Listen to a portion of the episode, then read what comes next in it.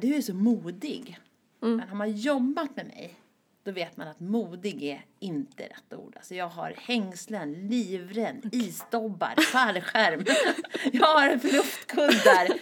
Allt, alltså jag samlar på mig hela, hela, hela tiden resurser för att ha när det smäller. Varmt välkomna till Drivhuspodden.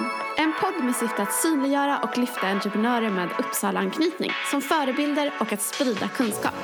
Vi vill inspirera, men inte minst visa på den fantastiska entreprenörsandan som finns i Uppsala och hur viktigt det är att ge unga människor möjligheten att förverkliga sina drömmar här. Den här podden produceras i samarbete med den digitala kommunikationsbyrån Salgado. Jag som leder samtalen heter Katarina Skröder och jag är VD på Drivhuset i Uppsala. Drivhuset är en stiftelse som arbetar för att fler unga och studenter ska få chansen att starta företag och förverkliga sina idéer. Nu kör vi! Idag så får vi träffa en av Sveriges mäktigaste kvinnor. Hon sitter i styrelsen för Svenskt Näringsliv. Hon är samhällsförändraren, välfärdsentreprenören, förebilden, investeraren, grundaren och vdn av företaget Alfa C som omsätter en kvarts miljard. Varmt välkommen till Drivhuspodden Maria Mattsson Mähl. Katarina, vilken presentation. Jag känner, var det där verkligen jag? ja, alltså när jag satt och researchade dig i helgen eh, då upptäckte jag att det går inte att sammanfatta allting som du gör och liksom kunna pitcha in det bara sådär kort. Oj. Ja, det, det har blivit en del under åren. Så är det ju. Jag har hållit på länge faktiskt som företagare. Jag har hållit på över 20 år. Så det är klart, det blir ju, det blir ju lite saker längs med vägen. Absolut. um, det ska bli jätteintressant i alla fall att få höra lite mer om din resa här idag. Alfa C vann ju Årets gasellföretag 2017 och du blev Årets kvinnliga gasell i år. Mm. Men vad är egentligen Alfa C? Berätta den historien. Vad är det ni gör? Alltså vi eh, hjälper de som står allra, allra längst från arbetsmarknaden att komma i jobb. Vår vision är alla har en plats på arbetsmarknaden. Eh, och vi jobbar framförallt med de offentliga aktörerna som betalar för våra tjänster. Så Arbetsförmedlingen är vår viktigaste kund. Men sen finns det också många kommuner och andra offentliga aktörer som betalar för att vi ska hjälpa till att få ut människor i arbete. Och många av de som vi jobbar med har ju aldrig haft ett jobb. Förra året så hjälpte vi i snitt 40 personer ut i jobb varje vecka. Det, det är många. Det är jättemånga. Och det är fantastiska historier från liksom allt ifrån den 63-åriga mannen som, aldrig, som inte har varit inne på arbetsmarknaden på 30 år och så börjar gråta över att han ska få arbetskamrater igen. Eh, till en nyanländ flykting från Syrien som eh, får sitt första arbete, liksom arbete i Sverige och därför kan liksom, ja, finansiera att barnen får komma hit och så. Så mm. det är mm. fantastiska solskenshistorier bakom varenda människa. På vilket sätt? Alltså vad har ni för verktyg för att få ut dem i arbete? Mm. Eh, de flesta som kommer till Sverige, för just nu jobbar vi väldigt mycket med nyanlända. Eh, men väldigt många av de som har svårt att komma in på arbetsmarknaden, de saknar kontaktnätet. Att man, man kanske, och, och, och det kan ju vara alltifrån att man växer upp också i Sverige, mamma och pappa är arbetssökande eller inte har fått fäste på arbetet. Då har man inte det där första kontaktnätet in liksom mm. med sommarjobb och annat. Man vet inte hur man beter sig.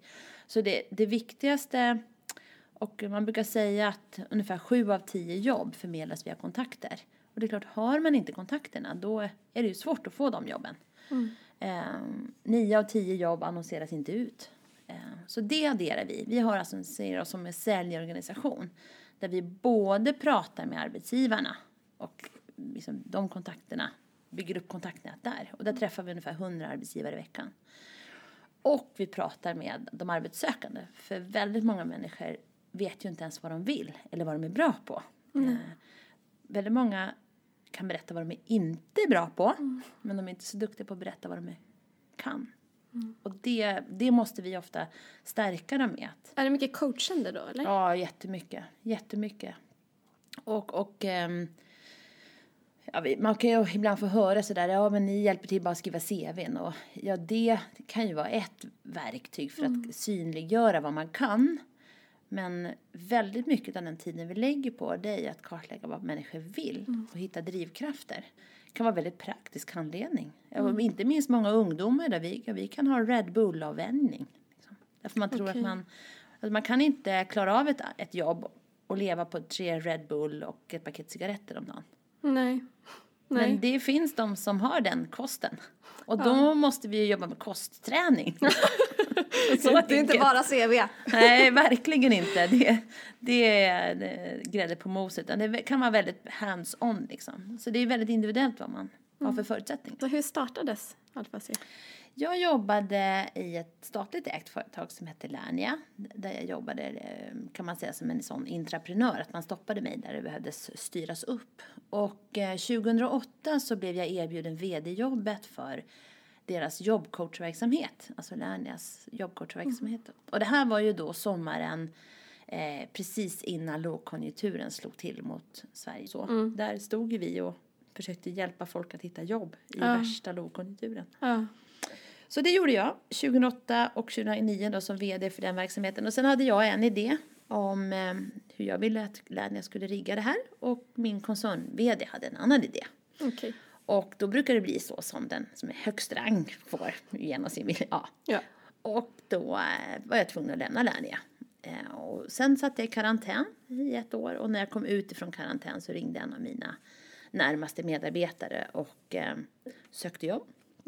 Och då sa hon, kan inte du vara min referens? Och så vet vilka jobb som är ute. Och då hade jag, "Åh, de söker affärsutvecklingschef och de söker eh, VD och de söker så.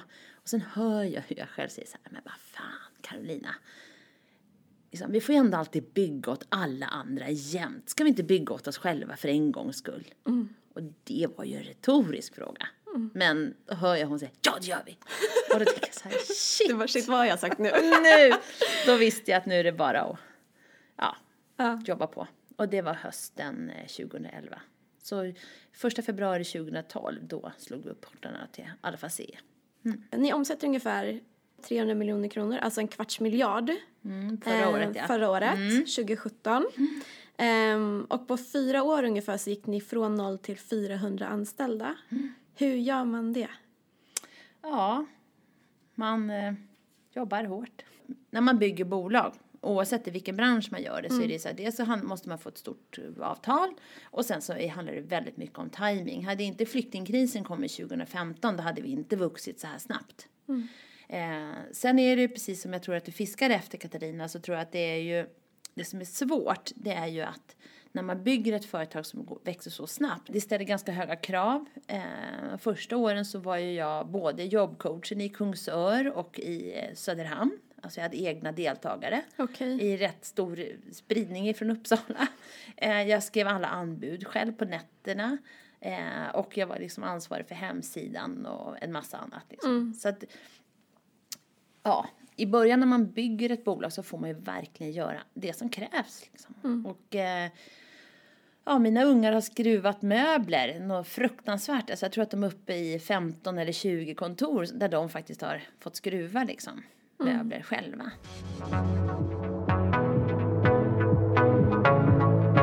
Eh, jag läste att ni eh, har varit tvungna att varsla ehm, nästan 70 medarbetare och att ni var tvungna att stänga ungefär 30 kontor i år.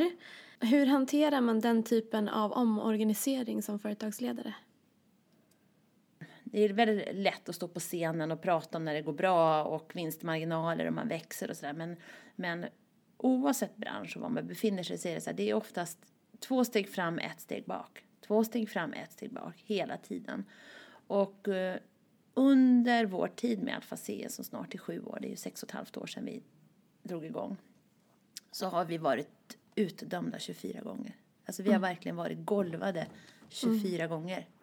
Eh, och ehm, det innebär men allt ifrån att likviditeten har tagit slut till att ett kundavtal har dragits tillbaka i sista sekund. Massor med konstiga saker som har hänt. Eh, och det måste man vara medveten om när man bygger, bygger bolag. Jag får ofta höra så här, du skjuter från höften och bara, du är så modig. Men har man jobbat med mig då vet man att modig är inte rätt ord. Alltså jag har hängslen, livrem, isdobbar, fallskärm. jag har luftkuddar. Allt, alltså jag samlar på mig hela, hela, hela tiden eh, resurser för att ha när det smäller. Hur har du lärt dig att du ska göra det? Jag tror att jag om jag ska vara ärlig så tror jag att det är, jag tror jag är uppvuxen så. Allt jag har byggt upp har jag byggt upp själv. Liksom. Jag, när jag pluggade på, på universitetet så tog jag inga studielån utan jag jobbade extra liksom, för att jag vill ha makten över mina egna beslut. Mm. Det är otroligt stark drivkraft för mig att eh, ha handlingsutrymmet. Mm. Eh, och det... Eh, och sen så har jag ju lärt mig att ju fler, ju fler liksom saker jag har i ryggsäcken och ta, kan använda när det smäller eller när det, vinden vänder eller när någonting händer, desto större handlingsutrymme har jag. Och eh, sen är det så det är klart att det är, det är fruktansvärt tråkigt att säga upp duktiga medarbetare. Men eh, när man gör den här manövern så gör man ju det för man inte har något val. Vi måste göra den här strategiska besluten för att överleva. Företaget är viktigare liksom. Men att fatta de typen av eh, tuffa beslut, vänjer man sig någon gång vid det liksom? Nej, alltså både ja och nej. Eh, man vänjer sig inte vid att fatta beslut för det är alltid lika jobbigt. Däremot så det man, det man lär sig med tiden det är att eh, ofta kommer det någonting bra av de tuffa besluten. Alltså det som inte dödar det härdar. Och har man varit med om många tuffa saker så vet man att ja, det här är inte bra men det kommer, jag kommer att sitta någon gång och säga så här, det där var nog det bästa som har hänt. Alltså, nöden är uppfinningens moder. Eh, och det är ju många företagsledare som kan vittna om det. Att när, när det har varit som jävligast, när det har varit som tuffast, det är också då de bästa idéerna kommer. Mm. I Sverige så finns det en allmän eh, liksom, approach gentemot att misslyckas och att göra fel eh, som är ganska tabubelagd. Mm. Eh, att man vill inte prata om sina misslyckanden, man vill inte prata om det som går dåligt. Mm. Man vill visa upp den här bilden av att allting går jättebra och mm. att det finns inga fel och brister. Medan samtidigt så vet man att man lär sig mer av motgångar och misstag mm. än vad man gör när man lyckas. Um, hur orkar man kämpa? För du sa själv att ni har blivit utdömda att gå i konkurs och det ska inte funka eh, otaliga gånger. Men mm. hur, får, alltså hur orkar man ändå fortsätta kämpa? För att man brinner för det man gör. Det är ju liksom, om vi tar Alfa C, så jag, jag blir väldigt ödmjuk. Vi möter ju människor som verkligen har haft det tufft. Vi har ju haft SFI-undervisning och så helt plötsligt får en elev ett sms. Och då är det den, för dödsbesked att deras barn har blivit sönderbombade i Syrien. Mm. Alltså det är på riktigt ett problem. Liksom. Det är ju inte ett problem att vi har eh, behöver varsla folk. Vi har liv och död i våra klassrum. Eh, man blir ödmjuk inför det faktum att det finns människor som man kan de kan vara framgångsrika chefer eller ha bra lön eller bra företag och så helt plötsligt får de ett cancerbesked, frun vill separera, eh, firman går i konkurs, eh, så. Eh, och alltihop det där sker inom ett kvartal. Och sen börja om och bygga upp det där. Mm. Det är alltså livet, jag blir, man får vara ödmjuk inför att livet inte alltid är så snällt mot mm. andra. Eller mot alla. Och eh, träffar man de människor och faktiskt sitter uppe så märker man att eh, de har enormt mycket att ge. Liksom. Det är fantastiskt. Så det, det är det som jag uppskattar mest. Om jag, om jag själv tycker att jag har det tufft någon gång, då går jag in och sätter mig och pratar med de här människorna. Alltså, och så tänker jag, nej, det är bara, kör på. Mm. Men varför tror du att det är tabu att misslyckas då? Varför pratar vi inte mer om det? För jag menar, tänker man så här, i USA till exempel, där är det nästan så här, vadå, har du inte konkat med ditt bolag, då har du inte gjort en karriär typ. Lite mer det mindsetet. Jag tror att vi har en tradition i Sverige av att, att man, vi är lite riskaverta. Att gör man någonting annat så bryter man ju också på den sociala kontexten. Så att jag tror att eh, eh, ja, min uppfattning är i alla fall att det har ändrats väldigt mycket när jag gick i skolan eller när jag eh, pluggade, det var ju ingen som pratade om att de skulle bli entreprenörer eller företagare. Det var ju helt uteslutet. Men idag finns ju ändå den, den, liksom, den vägen att gå. Det tog mig säkert 15 år innan jag accepterade att jag var entreprenör och företagare. Varför det? Därför det var fult liksom. Det var, jag är uppvuxen i en familj där man skulle jobba åt kommunen eller var fast anställd någonstans liksom eh, att vara företagare, det var något som katten hade släpat in. Varför tror du att folk är försiktiga med att prata om, om att misslyckas? Ja. Vill man prata om att misslyckas då måste man också vara sårbar. Mm. Och jag tror att sårbarheten är liksom det som ligger grunden till att man vågar kanske berätta om att man har gjort någonting dåligt eller att det har gått dåligt. Eh, men att vara sårbar är också väldigt, eh, kan ju vara svårt. Mm. Då måste man liksom öppna upp sig på ett helt annat sätt än vad man gör annars.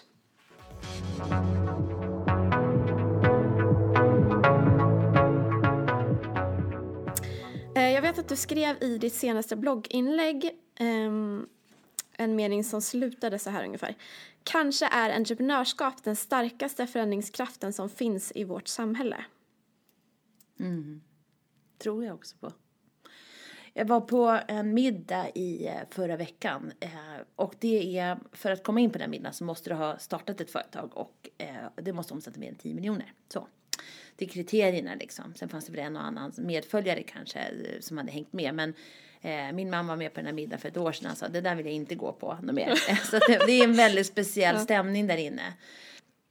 Men alla som var där inne ha, vet hur det är att inte ha råd att betala lönen till sina anställda. Alla där inne vet hur det är när Eh, man har ett kundavtal och så viker det med liksom fem sekunders varsel liksom och så helt plötsligt måste man tänka om helt och hållet och så. Så det, var, det blev en otroligt stark eh, kollegial anda i, i ett sånt rum. Eh, jag hade väldigt speciella samtal i toalettkön. eh, allt ifrån så här, behöver du låna, låna pengar, ring, här och mitt främmande människor som hade läst att vi hade varslat. Så bara, ja, säg till om du behöver pengar, säg till om du behöver stöttning, så här, jag finns här, jag finns här. Och genuint menar det. Och där kan man ju titta, det här som jag uppkände i rummet, det är ju eh, alltså någonting som man ser i forskningen. Det kommer en, det finns en internationell rapport som heter GEM-rapporten som mäter just entreprenörsklimatet i ett företag. Eh, eller i ett land. Och den gör man i hela världen. Och i Sverige så är just den här eh, mikroinvesterare, alltså, entrep- alltså aff- affärsänglar, entreprenörer, alltså som stöttar varandra. Det är, eh, vi är högst i världen på det. Eh, och den här, alltså den här kollegiala känslan mellan att entreprenörer stöttar andra entreprenörer och att det finns någon slags eh, broderskap eller systerskap liksom däremellan. Det är, det är helt unikt för, för Sverige, den kraften som kommer. Och jag är övertygad om att det är, där, det är där vi kommer att se lösningar på klimatproblematiken, det är där vi kommer att se integrationsproblematiken, alltså allt det här. Så, eh, så det, det är en enorm kraft. Och jag kan tycka att politikerna borde använda den mer kanske. Men vi reder ut det ändå, vi entreprenörer. Precis. Vi löser det ändå. ja. Ehm, men jag tänker så här, vad är det som driver dig? Vad är det du brinner för? Vad är det du går igång på? Alltså jag vill vara med och bidra till ett bättre samhälle. Det är nog det ena. Men framför allt så går jag riktigt igång på när någon säger det där går inte. Så om någon säger att det här är omöjligt, vad gör du då? Alltså, någon måste säga att det här är omöjligt och så måste de också mena det. För det finns ju människor som har försökt att testa mig. Liksom. Men om, om folk säger så här, det här, det här går inte, det är omöjligt och menar det. Då, då händer något. Det, det, är som en, det blir som en explosion i huvudet liksom. Det går inte och sen märker helvete nu måste jag reda i det här liksom. så, jag vet inte, det, det är någonting. Eh, och framförallt om de tror att jag inte klarar av det. Jag är minst i en syskonskara på fyra. Så att det är väl den här lilla systern liksom som måste revoltera på något Okej. sätt. Någon slags rebell. Fortfarande. Men har du alltid varit sån? Alltså har du, eller liksom, har du alltid varit så driven? Jag vet, det får någon annan svara på. Men alltså, jag har alltid gått igång på att liksom, det där klarar du inte. Eh, allt ifrån, inte vet jag, slå golfbollen i, ett hål liksom. Det betyder inte att jag alltid gör hole-in-one. Men alltså om någon verkligen genuint inte tror att jag kan någonting så har jag liksom en förmåga att eh, fokusera något fruktansvärt liksom, i några sekunder för bara naila just det där lilla momentet. Liksom. Eh, och den kraften har jag nog alltid haft. Liksom. Den är rolig för där kan jag känna igen mig jättemycket. Jag har ett ganska klockrent exempel. Eh, jag började spela golf i somras eh, och skulle köpa klubbor, golfklubbor. Och eh, åkte till en butik, jag kommer inte nämna vilken. Men, eh, och han som är där ber mig slå ett slag för han ska se hur, hur jag slår. Ja. Eh, och jag slår ett slag. Jag har liksom inte värmt upp ingenting innan. Jag får bara en enda chans. Jag slår ett slag och blir nervös och det blir inget bra slag. Så bollen går liksom inte iväg i sån fart. Och utifrån det så drar han parallellen att jag aldrig skulle kunna bli särskilt bra på golf för att jag inte är någon talang inom golf överhuvudtaget. Och han ser att jag inte hållit på med bollsport innan. Och sen så helt plötsligt ska vi köpa ett par klubbor som jag eh, inte kom dit för att köpa, ett par som var mycket enklare. Då. Och då blir jag så här, nej vet du vad, jag ska köpa de här svårare klubborna. Och så köpte jag de svårare klubborna och nu ska jag visa honom. Jag ska visa honom att jag kan fan bli bra på golf. Precis. För att man, jag blir provocerad av den delen liksom. Det där har du en liten rebell, vet du. Det där är entreprenörskapet i sin lilla linda. Och den där kraften som man får i det, det den kan ju ofta försätta berg liksom. Den är ju... Ja, det är på gott och ont att man har den där va. Ja, precis. Nu kommer du springa runt där på vår golfbana Katarina morgon till kväll. Liksom.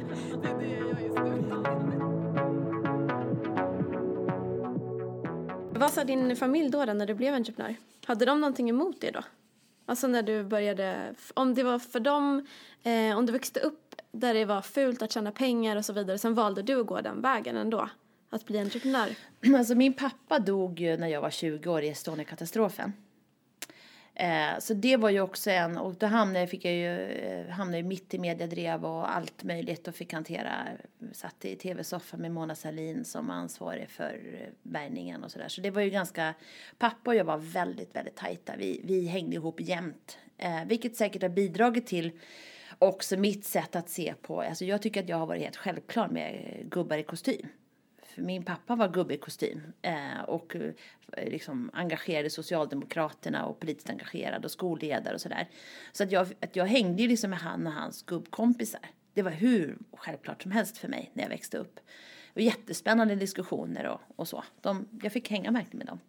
Men det gjorde ju också att när pappa gick bort när jag var 20 år så var det väldigt liksom, stort hack i mitt liv.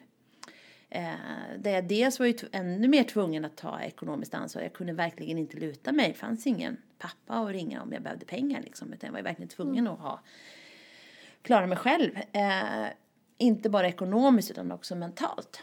Pappa var eh, arbetarklass. Eh, han var den första arbetarunga som tog studenten i hela Norrland. Så att han fick inte ens gå ut från läroverket i Sundsvall. Han fick gå ut bakvägen och så fick han ta ut sin... Trots att han hade jätte, jättebra betyg. Är det sant? Ja, visst. Det var så man gjorde, eller vadå? Jag förstår Nej, inte. alltså det, alltså det, eh, det var ju väldigt ovanligt att arbetarungar fick ta studenten. Min pappa hade varit närmare 100 år, eh, så att han, eh, han var född 24.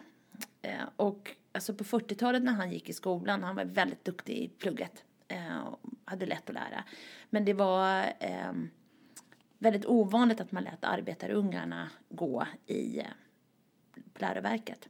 Men han hade en mormor eh, som var väldigt, väldigt driven, Axelina. Och hon sa att kan de där snorungarna, andra ungar, hon, hon uttryckte sig nog inte så.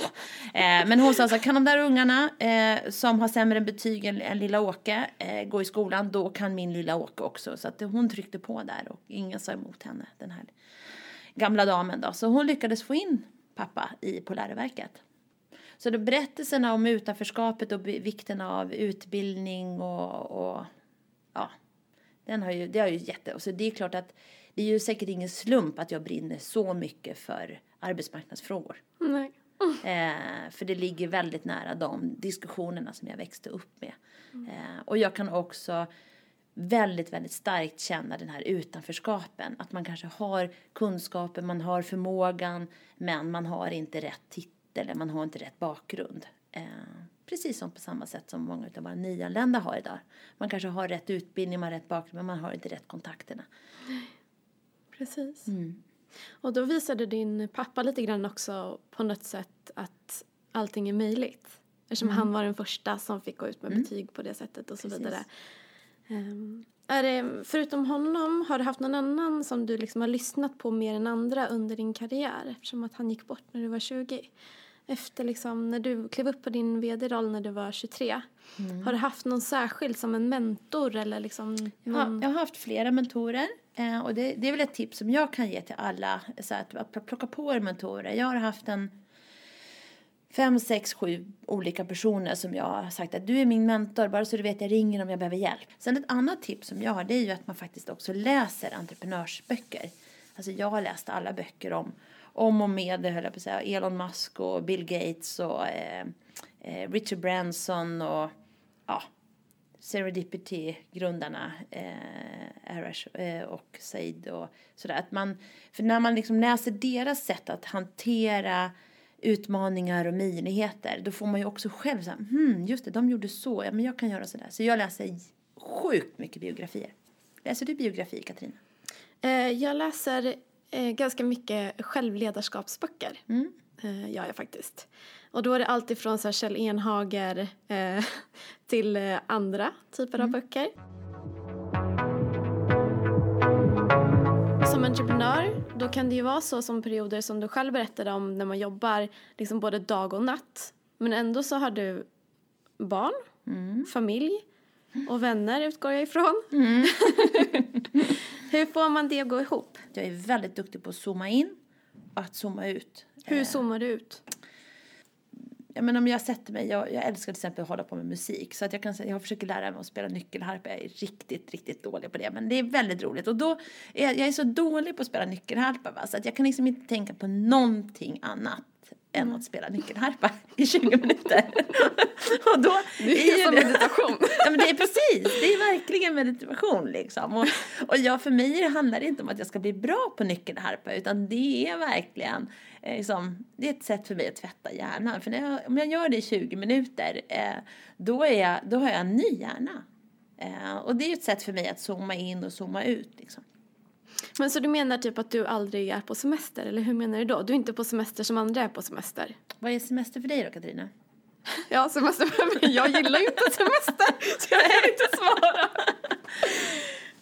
Nej, och det gör ju faktiskt inte jag heller. Jag älskar vardagen. Jag är den första att säga så. Jag tycker jag har världens roligaste jobb. Jag har världens roligaste liv. Eh, jag tycker att det, det för mig är, och det är som mina barn brukar säga, mamma du har inget jobb, du bara leker på dagarna. Ja, alltså det är klart att jag, jag, har, jag träffar roliga människor, jag får göra roliga saker. Jag får lösa kniviga problem också, absolut. Det är inte varje dag som är tuff. Men alltså jag, jag brukar säga så här att när det är som jävligast, vilket det faktiskt är även för mig, med svåra saker jag måste hantera, då brukar jag tänka så att enkelt är tråkigt, svårt är roligt. Det kanske inte, svåra är inte alltid roligt när man är mitt uppe i det, men det är väldigt roligt när man har löst det. Och det mm. finns alltid en lösning. Mm. Eh, så jag gillar ju vardagen. Eh, och eh, att vara på semester, alltså de gånger då jag verkligen försökt att ha semester, alltså då, då sitter jag och sprutar affärsidéer.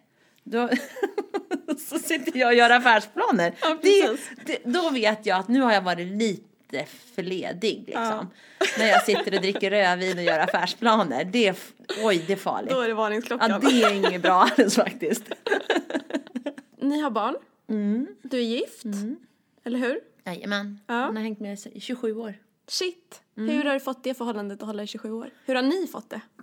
Nej men jag, världens bästa man, han, han, eh, vi hittade varandra, vi gick fortfarande i gymnasiet och vi har varit med mycket tillsammans. Eh, allt ifrån att min pappa gick bort när jag var 20 eh, till att eh, vi har ju, mm, han är forskare eh, och som forskare så tror jag att man har stor förståelse för det här att man går in i en bubbla och liksom driver vissa saker och att det är jätteviktigt med ens jobb och att det är viktigt. Det tror jag att han har, eller jag vet att han har full förståelse för det. Men sen så är han också extremt jämställd och det är ju mitt, det är ju sånt här vanligt klassiskt man brukar säga till alla kvinnor, välj rätt man. Och jag har verkligen valt rätt man. Alltså de gånger jag har tvekat, då har han, så här, då har han frätat mig, skärp dig bara. Skärp dig. Mm. Det här är du bra på, kör nu.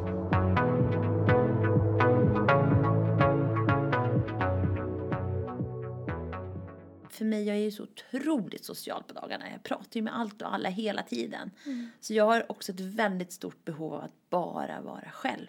Mm. Eh, och det tycker jag, är, apropå det vi pratar om vad man inte pratar om, jag tror att det människor har mycket, alltså vi skulle behöva vara mer själva. Alltså ensamtid tror jag är jätteviktigt. Varför är det viktigt tror du? Ja men att sortera alla intryck man får på dagarna. Eh, och landa i vad jag själv tycker är viktigt.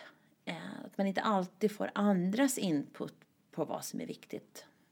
Eh, så jag tycker att egen tid är superviktigt. Tycker inte du det, Katarina? Är du duktig på att vara ensam?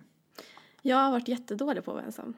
Jätte, jättedålig på det. Men jag har blivit mycket bättre på det bara senaste halvåret. Mm. Eh, och men det är någonting som jag får träna mig i att vara.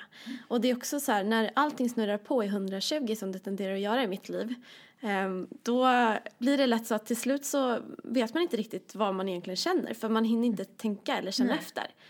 Eh, och då kom jag till en period i alla fall där jag var tvungen att säga stopp, okej, nu bara, nu måste jag fundera vad det jag gör, vad vill jag, vad känner jag egentligen i de här olika situationerna. Ehm, och det var skitnyttigt.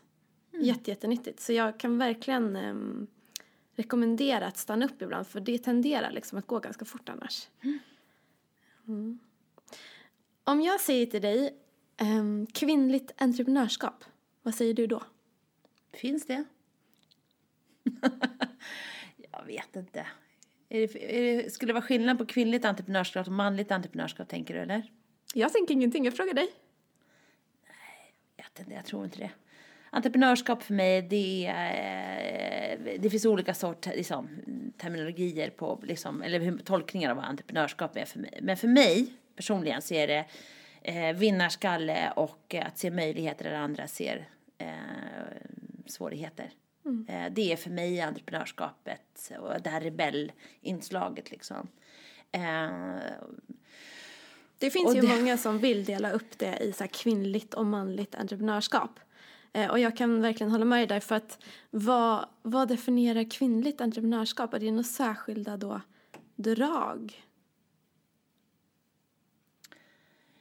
Jag skulle verkligen önska att fler kvinnor blev entreprenörer. Alltså, sen är det så att i entreprenörskapet så måste man också, om man ska bryta nya mönster, om man ska se eh, öppningar där andra ser, så måste man vara lite knäpp. Alltså man måste ju våga, man måste ha väldigt mycket guts liksom. När man säger så här, nej men du får inga banklån för det tror jag inte på. Så bara, helvete jag fick inga banklån, ja men jag måste se en annan väg fram. Alltså då är man, när någon säger nej, och man ändå bara jo. Så i det ligger, och då, det finns ju liksom forskning på det här också, att kvinnor generellt liksom tar ju mindre risk och män, män är fostrade liksom att ta mera risk liksom, eh, och, än vad kvinnor är och, och gör. Eh, och, eh, så jag önskar verkligen att det var fler kvinnor som blev entreprenörer och som vågade ta för sig och som bara, nej men bara för den här bankmannen är jätteerfaren så skit i det liksom. Vad är det som säger att den har rätt? Men vad är det som krävs då för att kvinnor ska göra det? Tror du? förebilder och det är därför vi har dragit igång det här 17-nätverket. Jag tror att ju fler kvinnor som är förebilder och visar att det går, eh, om man säger så här, så jag har fortfarande inte fått en bank, eller, jo jag har fått banklån, eh, men alltså inte när det verkligen har behövts. Alltså det, så, men det betyder inte att jag har lagt mig ner bara, nej banken sa nej. Jag bara, jaha, Men banken menar du sa att nej, det måste betyder- hitta något annat väg Hade det med att göra med att du var kvinna tror du? Vi kan säga så här. Jag har kommit in till banken och bara varit kvinna. Och då har jag inte fått, så har jag tagit samma siffra med mig en man. Och då får jag banklån. Mm. Det Och det, har hänt, tydligt. det hände, det händer hela tiden. Det hände så sent som efter ett halvår sedan liksom. Så att bankerna får säga vad de vill. De säger att de har könsneutrala frågor och jada jada. Men jag, jag och väldigt många kvinnor med mig vet att det är mycket lättare att ha med sig en man som sitter och drar nyckeltalen även om man själv har gjort dem. Eh, och jag tror att det handlar ingenting annat om än att bankerna är ovana. De är ovana vid att det sitter en kvinna på andra sidan. Och de är riskaverta och när de ser någonting som de inte är vana vid, då eh, säger de nej. Medan däremot om det sitter en man i kostym som har passerat 40 så är det en bild av vad, hur det ska se ut och då de, kan de koncentrera sig på siffrorna på ett annat sätt. Nej, men jag har ju suttit i möten med bankerna och de säger så, vilken fin färg på loggan du har. Liksom. Istället för, att prata, sig? Istället för att fokusera på nyckeltalen. Ehm, så. Men berätta mer om det här 17-nätverket. Mm. Ja, alltså det var ju så. Vi, somras, eh, sommaren 2017 då, så stod jag på en scen tillsammans med en jättehäftig entreprenör som heter Jessica Löfström. Och vi eh, fick då höra att det bara fanns 17 personer som drev, hade drivit upp kvinnor som hade drivit upp bolag som omsatte mer än 50 miljoner. Och eh, vi stod ju där på scenen och när vi klev ner från scenen så insåg vi att amen, det här kan ju inte stämma. För att eh, jag känner fem och hon kände sju. Och, ja, men vi kände typ allihop. Liksom. Det kan inte vara möjligt att vi känner alla dessutom. Liksom. Så det där gick och vi eh, och fnulade lite på där i Almedalen. Och sen så ringde Jessica mig under hösten och så sa du, nu har jag tänkt på det här. Alltså vi, det här är ju en myt eh, som existerar för att bankerna, om bank, det, då är vi där igen. Om bankerna tror att vi ska starta enmansfirmor eller tvåmansfirmor, då får vi inte de stora banklånen. Eh, utan om vi ska skapa lite makt åt kvinnor, då måste vi också ta död på den här myten att kvinnor startar, startar småföretag medan männen startar stora företag. Alltså, och då, vi måste göra någonting. Så då, då tog vi kontakt med Lena Apler och eh, Monica Lindstedt och Anna Brockenhielm och de sa ah, äntligen, nu kör vi. Mm. Så vi lanserade ju det 8 mars då på internationella kvinnodagen i mm. år, 2018. Och 17, varför heter vi det? Ja, det var 2017. Eh, och eh, de sa att vi eh, bara var 17 men det var vi ta med 17 inte. Så nu är det ta med 17 nog. Ungefär så. Nej, vi var tvungna att heta någonting och det, det, det fanns, hemsidan fanns ledig. Typ. så det var, men, men, och det spelar ingen roll, men syftet här är ju, vi har identifierat, vi är över 50 redan och det ansluter sig kvinnor hela tiden och det är skithäftigt att se för det är liksom både företag och, och kvinnor som jag inte hade en aning om. Så det är klart att vi är fler liksom. Mm. Och fler vill vi bli. Liksom. Jag vet att du också eh, är med som investerare i en Youtube-serie som spelas in här i Uppsala som heter Företagsänglarna. Mm. Varför är du med där? Det är roligt. Man måste ha roligt på dagarna. Eh, nej men det var ju en, Thomas Sonesson hörde av sig till mig när vi eh, skulle dra igång då och eh, eller när UNT skulle dra igång, för det var de som drog igång det här från början och ville lyfta upp näringslivet och företagandet. Och, ja. och så gav det ena det andra och ja, vi är ju vana att bygga bolag och investera i bolag så det, liksom, det blev en naturlig följd eh, så. Och nu har vi kört det här i tre år och eh, vi har investerat i, det är väl sex bolag som vi investerar i och så har vi ju Eh, och eh, några av dem har kommit längre än andra. Eh, jätteroligt att följa de här företagen. Ehm, så det är superroligt. Och det är ju liksom ett litet Kinderägg liksom, kan man säga. Det, dels är det ju att vi faktiskt investerar. Men sen så ehm, ha, gör vi en Youtube-serie av det här och det går ju också att liksom, gå in och titta och se pitchar och man kan lära sig massor av att bara höra dialogen, tror jag. Eh, vi har använt den i alla fall på Alfa CE. Vi har ju startat eget-utbildningar åt Arbetsförmedlingen och de använder de här pitcharna och materialet. Eh, så dels är det ett utbildningsmaterial, tycker jag. Och sen så är det ju faktiskt riktiga investeringar. Eh, men eh, är det alltid bra att ta in en investering? Nej, verkligen inte. Man ska helst inte ta in investerare överhuvudtaget. Okay. Har... ja, jo, men så är det. Alltså, det. alltså kan man som entreprenör behålla ägandet så länge, då ska man göra det. Det är min grundprincip. Och det händer ju faktiskt att vi säger det även i Företagsänglarna. Att ni behöver inte oss. Kör, liksom. Um, det finns fördelar med att ta in en affärsängel eller någon annan råd liksom, i ägarled. Men i möjligaste mån, framförallt när man är i de här embryostadierna, så är det värdet på bolaget är oftast ganska lågt när man drar igång eftersom det kanske bara är en pappersprodukt. Eh, och ju längre man kan vänta desto mer värde blir ju bolaget. Liksom. Det finns ju många studier just nu som visar att eh, unga värdesätter mycket mer att arbeta med någonting där de kan få göra skillnad än att de ska arbeta med något bara för att de ska få en högre lön. Mm. Vad skulle du, som ändå drivs av att göra skillnad i samhället, mm eh, vad skulle du vilja säga till de som lyssnar som vill göra skillnad men inte vet hur de ska börja? Att man sätter sig ner och tar reda på vad vill jag? Eh, för vad, vad, jag vill är väldigt brett. Liksom. Att man faktiskt gör en, en liten checklista. Vad vill jag och vad kan jag? Och att man säger så här, vad vill jag? Men jag vill hjälpa fattiga barn eller jag vill eh, bara, rädda miljön. Eller, alltså, att man försöker liksom bena upp vad det är jag vill så att man inte bara springer runt som en allmän liksom, eh, jag vill vara snäll mot världen. Utan mm. faktiskt försöker kondensera. Vilk, vad, och vad kan jag? Vad kan jag bidra med? Eh, och menar, alla behöver inte bli entreprenörer men det man kan göra det är ju också att man faktiskt kontaktar de arbetsgivarna och säger så här, du jobbar med precis det som jag brinner för. Eh, hemlösa eller eh, salamandrar i de här parkerna eller vad det nu är liksom och som man känner att man vill göra någonting åt. Och så säger man så här, jag vill jobba med det här. Jag är beredd att så. Att man Men att man faktiskt börjar med att ta reda på själv vad man vill. Eh, för många, det är så lätt att man dras med och bara inte funderar på det. Mm. Eh, Så titta, kartlägga lite grann, så här, fundera, titta inåt, eh, reflektera över vad man själv vill göra, vad man brinner för. Men sen också vad för kompetenser besitter man själv. Liksom. precis. Ehm, och det man inte har kan man ju också teama upp med andra. ja. Om det är så. Och sen att man faktiskt gör en handlingsplan. Att man faktiskt vågar göra action när man har kommit fram till vad man vill och vad man kan. Vad skulle du säga till de som eh, vet vad de är bra på och de eh, vet vad de brinner för och de ska precis starta? Ehm, har du något tips? Ha roligt. Det är det allra, allra viktigaste. Man måste skratta även åt eländet. Och det blir alltid tuffare än vad man har tänkt sig. Men det blir också väldigt mycket roligare än vad man har tänkt sig. Så glöm inte bort att ha lite roligt. Vad vill Drivhuset göra med podden?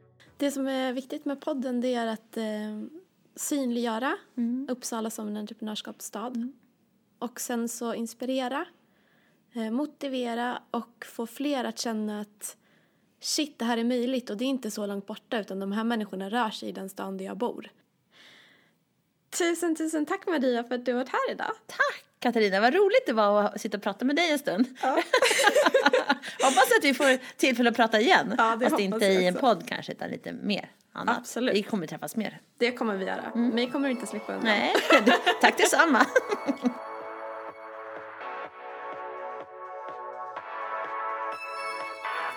Tack för att du lyssnar på Drivhuspodden. Har du en idé? Kontakta oss på uppsala.drivhuset.se. Det här avsnittet spelades in på Radisson Blue i Uppsala. Det centrala hotellet med gångavstånd till resecentrum och världen erbjuder om konferens i världsklass. Och du, glöm inte bort att följa Drivhuspodden på Facebook och Instagram. Vi finns där poddar finns.